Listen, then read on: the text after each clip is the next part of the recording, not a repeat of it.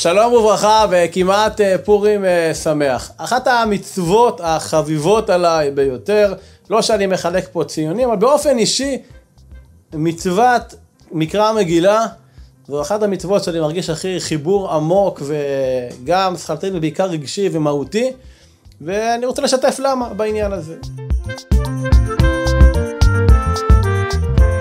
הרבה שואלים אותי, תגיד, מה, מה הכוונות שצריך לכוון בקריאת המגילה? מה זה כותב ומה לעשות בברכות? ובעיניי הכוונה היא אחת ויחידה, היא מאוד פשוטה. ככה אני נכנס למגילת אסתר, וגם בעמוד הזה אני קורא את המגילה למי שרוצה לשמוע. כותב רבי ברוך מז'יבוז', הנתיבות שלום, חוזר על זה הרבה בדרשות שלו לפורים.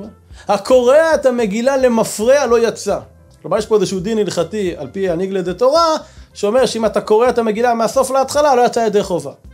אבל רבי ברוך ממז'יבוש, נכדו של הבעל שם טוב הקדוש, מלמד אותנו, הקורא למגילה למפרע לא יצא, כלומר, מי שקורא את המגילה וחושב שהסיפור שבמגילה זה סיפור שהיה פעם, זה תיעוד היסטורי שמרדכי ואסתר כתבו למה שהיה פעם וחרצו להרוג אותנו וניצחנו ברוך השם ועכשיו יש מגילה ומשלוח מנות וחי בשביל בסומי, הוא לא יצא ידי חובה.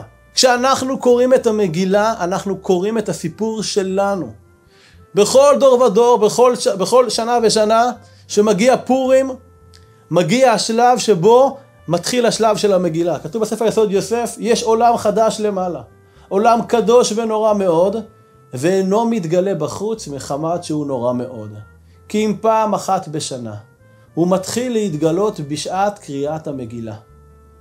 ולכן זמן קריאת המגילה זה עת רצון גדול מאוד בשמיים. כשאני עכשיו נכנס למגילה, אני צריך לדעת שבכל דור ודור, גם בדור שלנו, יש מרדכי הצדיק ויש המן הרשע. לא יודע מי זה, אבל יש מהות רוחנית של המן, שרוצה להשמיד, להרוג ולאבד את כל היהודים, מנער ועד זקן טף אנשים ביום אחד, ויש מרדכי היהודי, שלא קורע ולא משתחווה, למרות שכל עבדי המלך ומלכו של עולם משתחווים לאמן, הוא לא קורע ולא משתחווה. ואז כשמורחים את האמן ויש 54 פעמים אמן במגילה, אז בכל מחייה אני מכוון למחות את המן של הכאן ועכשיו, לא רק המן עם האוזני המן שהיה פעם בפרס, לפני הרבה מאוד שנים מבית ראשון לבית שני, אלא כאן ועכשיו.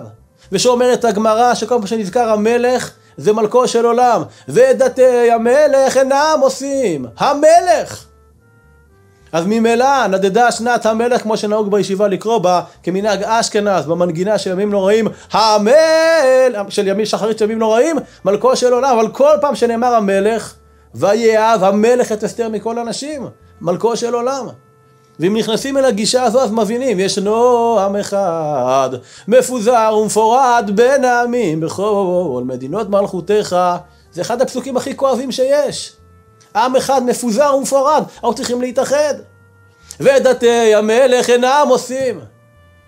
ושקוראים, ויעשה המלך את טבעתו ויתנה לאמן, איזה כאב לב, והמלך והמן ישבו לשתות. המלך יושב עם המן, נורא נוראות. אז אני נכנס למגילה במקום אחר לגמרי.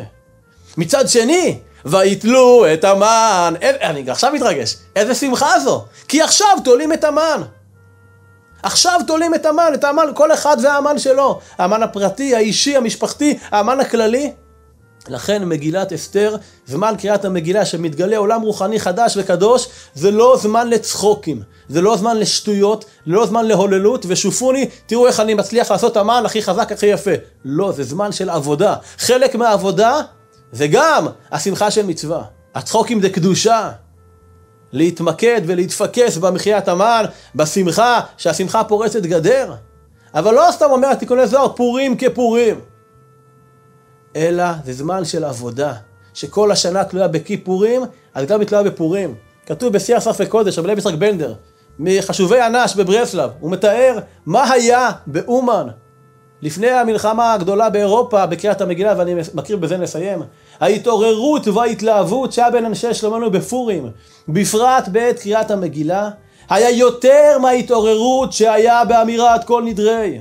וממש הרגישו וראו במוחש שיום כיפורים הוא באמת יום כפורים, כדברי התיקוני זוהר. נסיים בקדושת לוי, סנגורן של ישראל, שאומר, ומעתה יתלהב לב האדם בקוראו המגילה.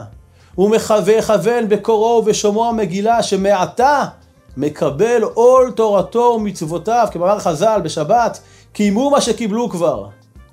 ולכן יכין את עצמו, מה שחלף ועבר אין. ומעתה הוא מקבל עליו עול תורתו ומצוותיו יתברך שמו. וקיבל היהודים, זה זמן שכל אחד שקשה לו בלימוד תורה, בביטול רצון השם, לקיים הלכה, וקיבל היהודים, זה הזמן לקבל מלכות שמיים, וכל זה בזמן המגילה, לא להחמיץ, ובעיקר לשמוח, שהיה לנו פורים נפלא ביותר.